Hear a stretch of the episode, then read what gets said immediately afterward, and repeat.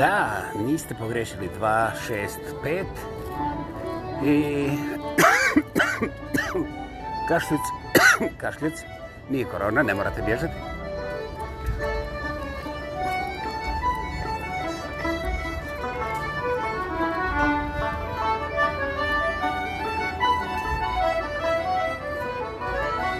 Ovo su zvuci dobrodošlice iz nekoga 97. revena, kada se nismo zamarali previše sa tehnologijom, a svira ih jedan prekrasan kvintet u parku, kako bi rekli, kod nas,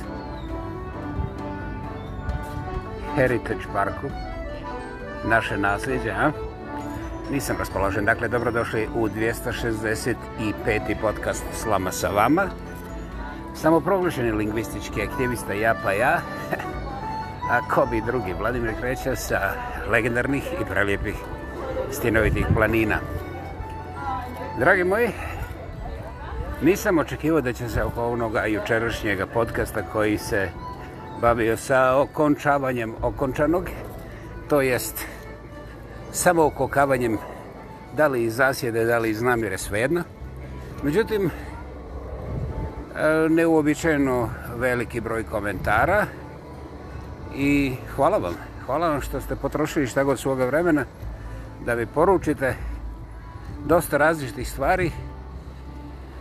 Ali ja se obično češem tamo gdje me svrbi, ne znam zbog čega, ovaj, nema veze sa Hrvatima, još manje sa Srbima, ali eto, čim za svrbi, ja počešem da izvineš, ne znam zbog čega. Ako znate odgovor na tu misteriju, nemojte za Boga da me prosvjećujete, jer ne valja da odem Bogu na ispovjeda, da znam sve. Tamo kad on zausti, da li ću u raj ili paklo, ja kaže, stani, ja znam kako se to određuje. Onda ne završim ni u raju, ni u paklu, nego on kaže, sučekaj malo ovde na prednjim vratima i tako ovaj, me ostavi hiljadiče godine, znate. Pa kao je majka, kao što vidite iz te pozicije. Dakle, nije sve onako kako, što, kako izgleda, niti kako vi razumijete, nego je Boga mi onako kako se desi u takozvanoj stvarnosti. Ko hoće neka filozofira. Najvažnija stvar u tim reakcijama na samoubilačke intencije i stvarna događanja u životu je priča o statistici. Ja vrlo često koristim brojke iz jednostavnog razloga da skratim filozofiju i da slučajno sa nekim ne baš najsretnije izabranim pridjevom ne zglajza misao sa glavnog kolovoza, jer to se dešava ljudi vrlo, vrlo često. Kad im kažeš plavo, slušaj, moraš im napisati da li je to plavo ispod oka, da li je to, na primjer, plavo, oni plavci, znaš što danas su crnci, takozvani panduri milicijskog opredeljenja, ili je plavo nebo, a neki kažu ne, nije plavo je more. Interesantno, otkud im samo to. Dakle, statistika ima svoj rješnik koji ja poštujem i koji ja dosta, ja mislim i dovoljno koristim. Možda bi mogao i manje. I kod ovoga problema suicida, znači samo ukokavanja, jedan od komentara, u stvari bilo su dva, tri komentara, manje više, koje su se svodile upravo na te nesretne statistike. Najkraće kaže, nisi pomenuo gdje se nalazimo danas sa tim u ovom modernom svijetu. Ja neću odgovarati pojedinačno, nego ću ovako da zauzmem tje stav. Broj 1. Statistika je alat. Alat jedan alat, na primjer, kao ova motorna pila. Vrlo moćan alat, vrlo, vrlo isplativ, vrlo pouzdan. I kao takav vrijedi svakog centa koji platite za njeg. Međutim, taj isti moćni alat je ima moć u rukama moćnoga. U rukama nemoćnoga ili uobraženoga može se pretvoriti ne samo u oružje, nego može se pretvoriti u čisti monumentalno monstruozni suicid koji nije došao po namjeru, nego jednostavno po sili prilika, odnosno po sili promašenosti ovoga rukovoditelja, te menadžera ovaj, sa tom motornom pilo. Znači, ta motorna pila u tim nesigurnim rukava i sa, recimo, nešto dodatog alkohola ili drugih gluposti postaje monstruozno i ubitačno oružje. Na isti način, bez obzira koliko ova slika izgledala primitivna i gruba i nemilosrdna, na isti način statistika čini svoj posao i kada se stat sa statistikom počnu baviti oni koji nemaju znanja više od razlikovanja brojeva, onda ta statistika počinje bivati omčom oko vrata, ali što je vrlo, vrlo nezgodno, ne samo omčom oko njihovog vrata, nego vrlo često omčam oko vrata nekih potpuno nevinih ljudi koji nisu uključeni u priču, ali zbog insistiranja ovih koji navodno sve znaju, a ovaj, biva im nametnuto nešto što je u svojoj prirodi destruktivno i strašno puno košta. Dakle, ja vjerujem da razumijete ovo i da ste osjetili, pošto statistiku rade diljem svijeta raznorazne grupe, ne samo državne institucije, države i politički aparati, nego potpuno privatne osobe, pa onda intelektualne grupacije i onda obrazovne institucije i masu najrazličitijih drugih. Tako da ti statistički podaci koliko god mogu biti dobar orijentir u određenim okolnostima, oblastima i kategorijama, istovremeno mogu biti velika nesreća i mogu prouzrakovati opasne štete.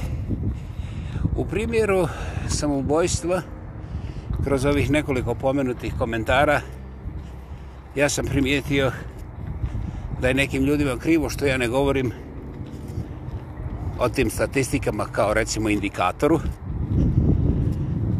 da je otprilike skoro milion ljudi svake godine u svijetu sebi oduzme život, a istovremeno da neki ozbiljni promatrači, znanstvenici pa i poznavaoci situacije govore da to nije ni polovica stvarnog broja. Razlog ne samo vođenje statistike širo svijeta koje metode, principe, način upotrebljava i nego najprije tradicija, kultura, religija i onda ona čisto ljudska potreba da eto moj brat nije samo ubojica, mi nismo imali nikoga. Znači te nekakve duboke predrasude koje su prisutne okolo cijelog svijeta, čak i u najrezvinijim zemljama. Tako da će porodica učiniti sve da samo ubojicu, naravno koliko se to ikako može, prikaže kao žrtvu recimo slučajnog nehata um, nesretnih okolnosti teške bolesti ili iznenadne bolesti ili prostog nesretnog slučaja dakle to je nešto što zahtjeva posebno ispitivanje u fenomenologiji urbane kulture ali i cijele civilizacije ja sa svoje strane sam sasvim složen sa ovim mojim kritičarima koji kažu da nisam spomenuo brojke i to je jedan od onih monumentalnih razloga koje ja nisam htio da čačkam jer prije svega vrlo teško mi je da zakucam na jedne jedine vrati i da pitam da li ste vi lagali o smrti svoga džure ili ste samo ovaj rekli da se on jedno 5-6 puta ovaj spotako od te stepenice.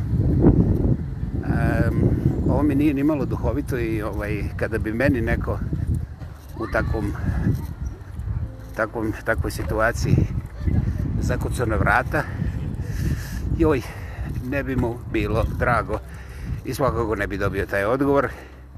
A pomen statistika u tom momentu bi za mene bio više nego uvredljiv. Naravno, treći svjetski rat ne bi započeo jer ovoga ne ide mi od ruke, ali ovaj možete da razumijete kako bi bio bijesan. I samim tim ja znam da precizne statistike, barem u ovoj oblasti samobojstva, još dugo neće imati šansu. Istovremeno postoji pitanje zašto bi te precizne statistike o samoubojstvu mogle biti važne, prije svega ne izučavaju se dovoljno, a ako bi se izučavale dovoljno, onda postoji nekoliko vrlo korisnih ishoda u cijeloj toj priči. Naime, ako proučavate jedan metod dovoljno široko i pošteno, onda vrlo brzo primijetite odakle se taj metod izučava odnosno taj fenomen pojavljuje. Znači možete primijetiti zone odakle se pojavljuje, čime se hrani i zbog čega se tako uporno ponavlja. Naravno ja ne govorim u apsolutnim formama, ja govorim o dosta zdravoj orijentaciji koja je počiva na realnom životu i onda u tim okolnostima nije samo stvar što možemo spasiti dosta života, nego možemo odgojiti svijest i savjest čovjeka koji se nalazi u situaciji da smatra recimo samoubojstvo jedinim načinom rješavanja svoga problema.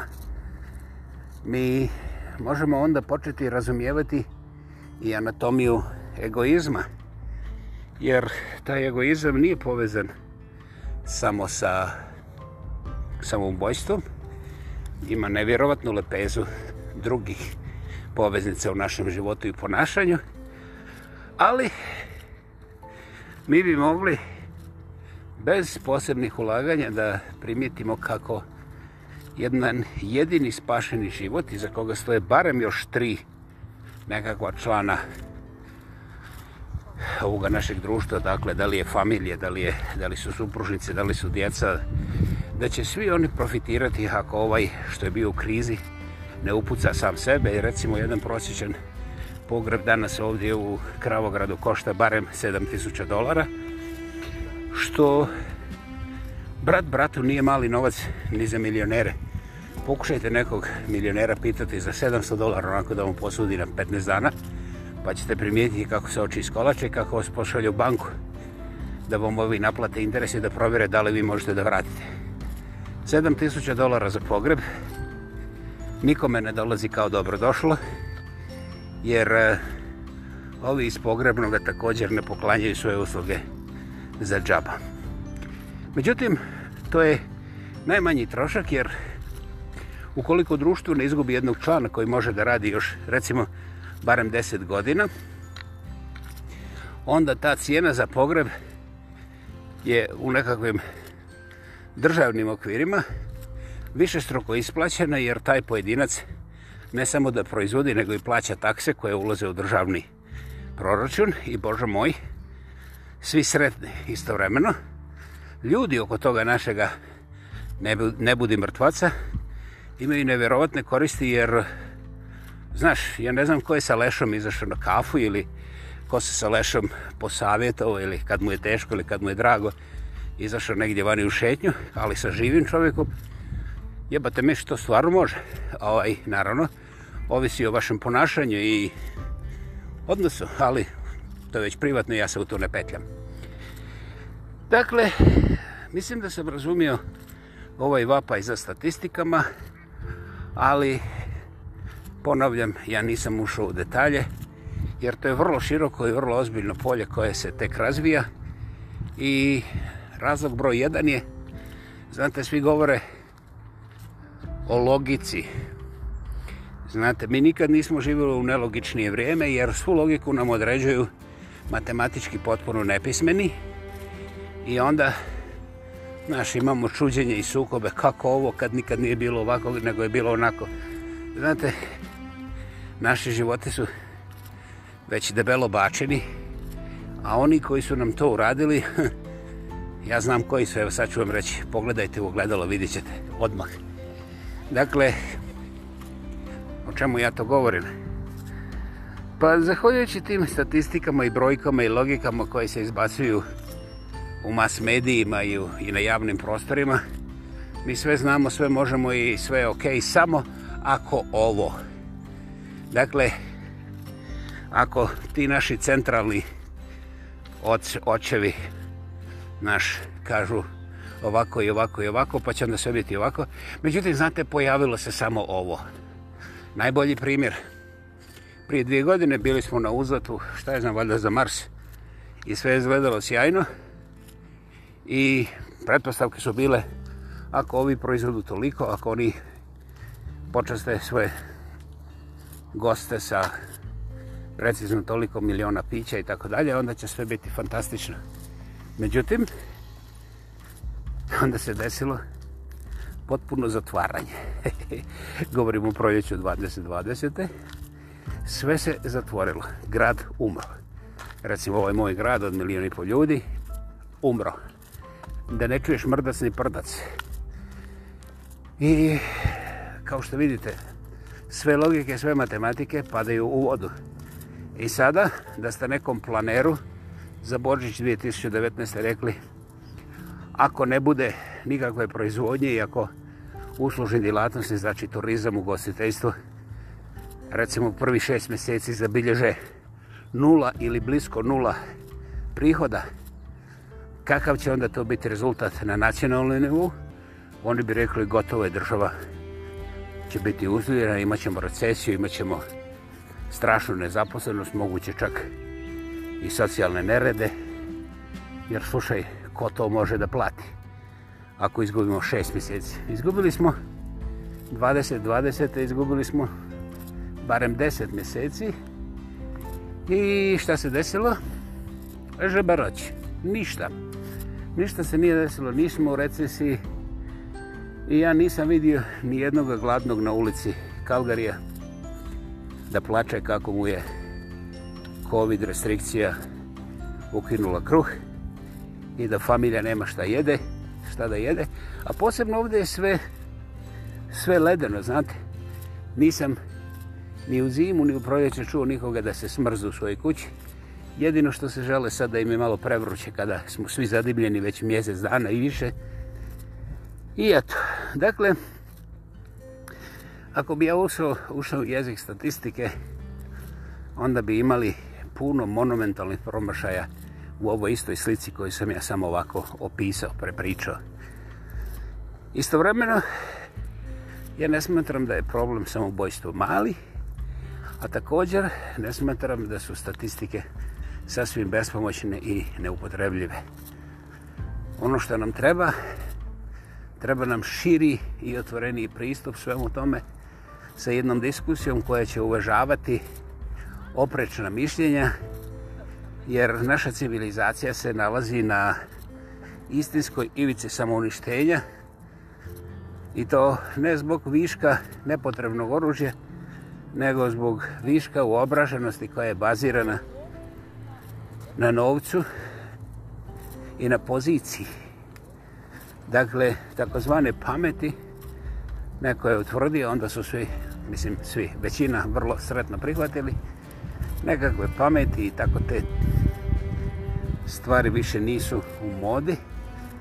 Sada, ako ja imam svoj CNN, a ti nemaš, onda šta god ja kažem istina, 100% istina, a šta god ti kažeš, pa kaži još, niko te ne čuje. Ko si ti, ne postojiš. Dakle, mi imamo diktaturu nezdravog razuma koji se hrani novcem i pohlepom i onda oblači sve svoje mantije ovaj nepogrešivih religija, um, strašno mudrih politika i ne znam kojih ostali gluposti, sve dok se stvar ne zakuva do nekoga rata koji su danas precizno kiruški rađeni na tim ograničenim zonama, i onda tako se ušutkaju neki oponenti. Međutim, ta stvar je vrlo kratkoga daha jer takve ratove je nemoguće voditi duže vremena. Vi kažete šta, Amerikanci su u 80 godina poslije drugog svjetskog rata napravili 60 ratova, pa evo ništa se nije desilo. Gospode, ja ne znam u šta vi gledate, a ovaj, ali se desilo desilo se? Desilo se da su Amerikanci potopljeni sa dugom prema toj mrskoj kontra ljudskih prava prokletoj Kini. I danas je najbolnija stvar za jednog Amerikanca koji je obavešten pitati ga koliko duguju Kini u dolarima. I vrlo vjerovatno to je moment kada prestaje razgovor sa jednim Amerikancem jer znate ukoliko vi kažete da su oni dužni, oni će vama početi odmah da prskaju o nekakvim raketlama, demokracijama i ljudskim pravima. Kako su došli u dug prema Kini koji se meri trilionima dolara, to ih ne zanima jer to je ruska propaganda. Ja u tome naravno ni slučajno ne uživam, ali to ističem kao jedan primjer očiglednog koje niko ne vidi, a onaj ko vidi želi što prije da zaboravi, jer reperkusije jednog takvog duga koji je nepoznat u ljudskoj ukupnoj, sveukupnoj ljudskoj povijesti, naš, teško su zamislili i onima koji su doista eksperti za ta dužička pitanja. A naravno, to nije samo dužičko pitanje, to je puno, puno, puno šire. Eto, dragi moji, to je otprilike usputna riječ o zaboravljenoj ja bih rekao namjerno, jer jeste tako, statistici kada sam govorio o jednom ipak dual personalnom paralelnom nekom svijetu tih nekih suicidalnih intencija i stvarnosti u povijesti života dva individualca, znači to sam bio Theja i ovaj gosin Marfi. I mislim da poniranje u bilo koje brojke statističkog sazvježdja nije mogla toj priči dodati ništa. Mogla je samo oduzeti, jer e, samobojstva danas imaju svoju vlastitu fizionomiju i anatomiju koja ne samo da nije priznata, nego je je gurnuta na periferiju društvenih aktivnosti i u mnogim zemljama ljudi koji imaju te unutrašnje impulse da se ubiju, a pokušali bi možda da nešto riješe, nemaju apsolutno nikakvu podršku osim da se ubiju. Jer a, samobojica je još uvijek u većem dijelu svijeta podrazumijevan kao kukavica, egoista i nesposvodnjaković. Dakle, drugim riječima svijet kaže mi smo lijepi, mladi, plavi, nepogrešivi i nikad nam neće zagustiti. Kako se god okrene, mi nećemo pomisliti da sami sebe pošaljemo malo prije na onaj svijet nego što nam je dosuđeno. I to dokazuje da je naše takozvano napredno, moderno, civilizacijsko okruženje surovo, primitivno, i neuporedivo više egoistično nego najegoističniji samobojice. Jer znate, samobojice ostavlja iza sebe prazan prostor i nijedan jedini cent ne nose sa sobom u groblje, a ostavljaju upraženo radno mjesto, na primjer, mnogi od njih. Dakle, bilo bi dobro ozbiljno razmisliti zašto je mi uzgajamo prezir prema ljudima koji u svojim problemima su toliko preplavljeni da ne mogu vidjeti ništa drugo kao rješenje nego odlazak sa ovoga svijeta iz ove dimenzije. Dakle, naš generalni pogled na samoubojice je bezdušen i bezbožan. Jer... Uh, mi njih automatski osudimo kao nule. Otkud ja to znam? e, šta čito? Odo čovječe. Odo. Ja, eto, toliko o poznavanju na Driniću prije, jel? Ovaj, I o samobojstvu također. Kao što vidite, primitivnost je surova i perpetuira sama sebe. Naravno, kiteći se sa perijem, koje nikada nije pripadalo. Aha. I mi vjerujemo da je to okej. Okay. I zato o tome inače i ne govorimo. Recimo, ako uzite u svoj Google pa pitate oko ovih statistika i ovih problema o samoukokavanju, nećete naći ni dijelomišno odgovora kao na primjer kada postavite pitanja gdje kupiti plastične prozore ili neku drugu glupost. Zato što vi ne primijetiste da ste u zadnjih 50 godine postali samo guza ili usta. Da, da, da, to nema veze sa pornografijom, to je u stvari primitiva onoga što se zove štancanje konzumerskih jedinica i to ste vi. Dakle, sva vaša ljudskost je svedena na to koliko možete da zaradite i onda koliko možete da potrošite, znači koliko možete da konzumirate. I to ste vi uradili sami sebi zbog toga, plakanje oko ukidanja sloboda povodom ovih kovida ne pije vodu.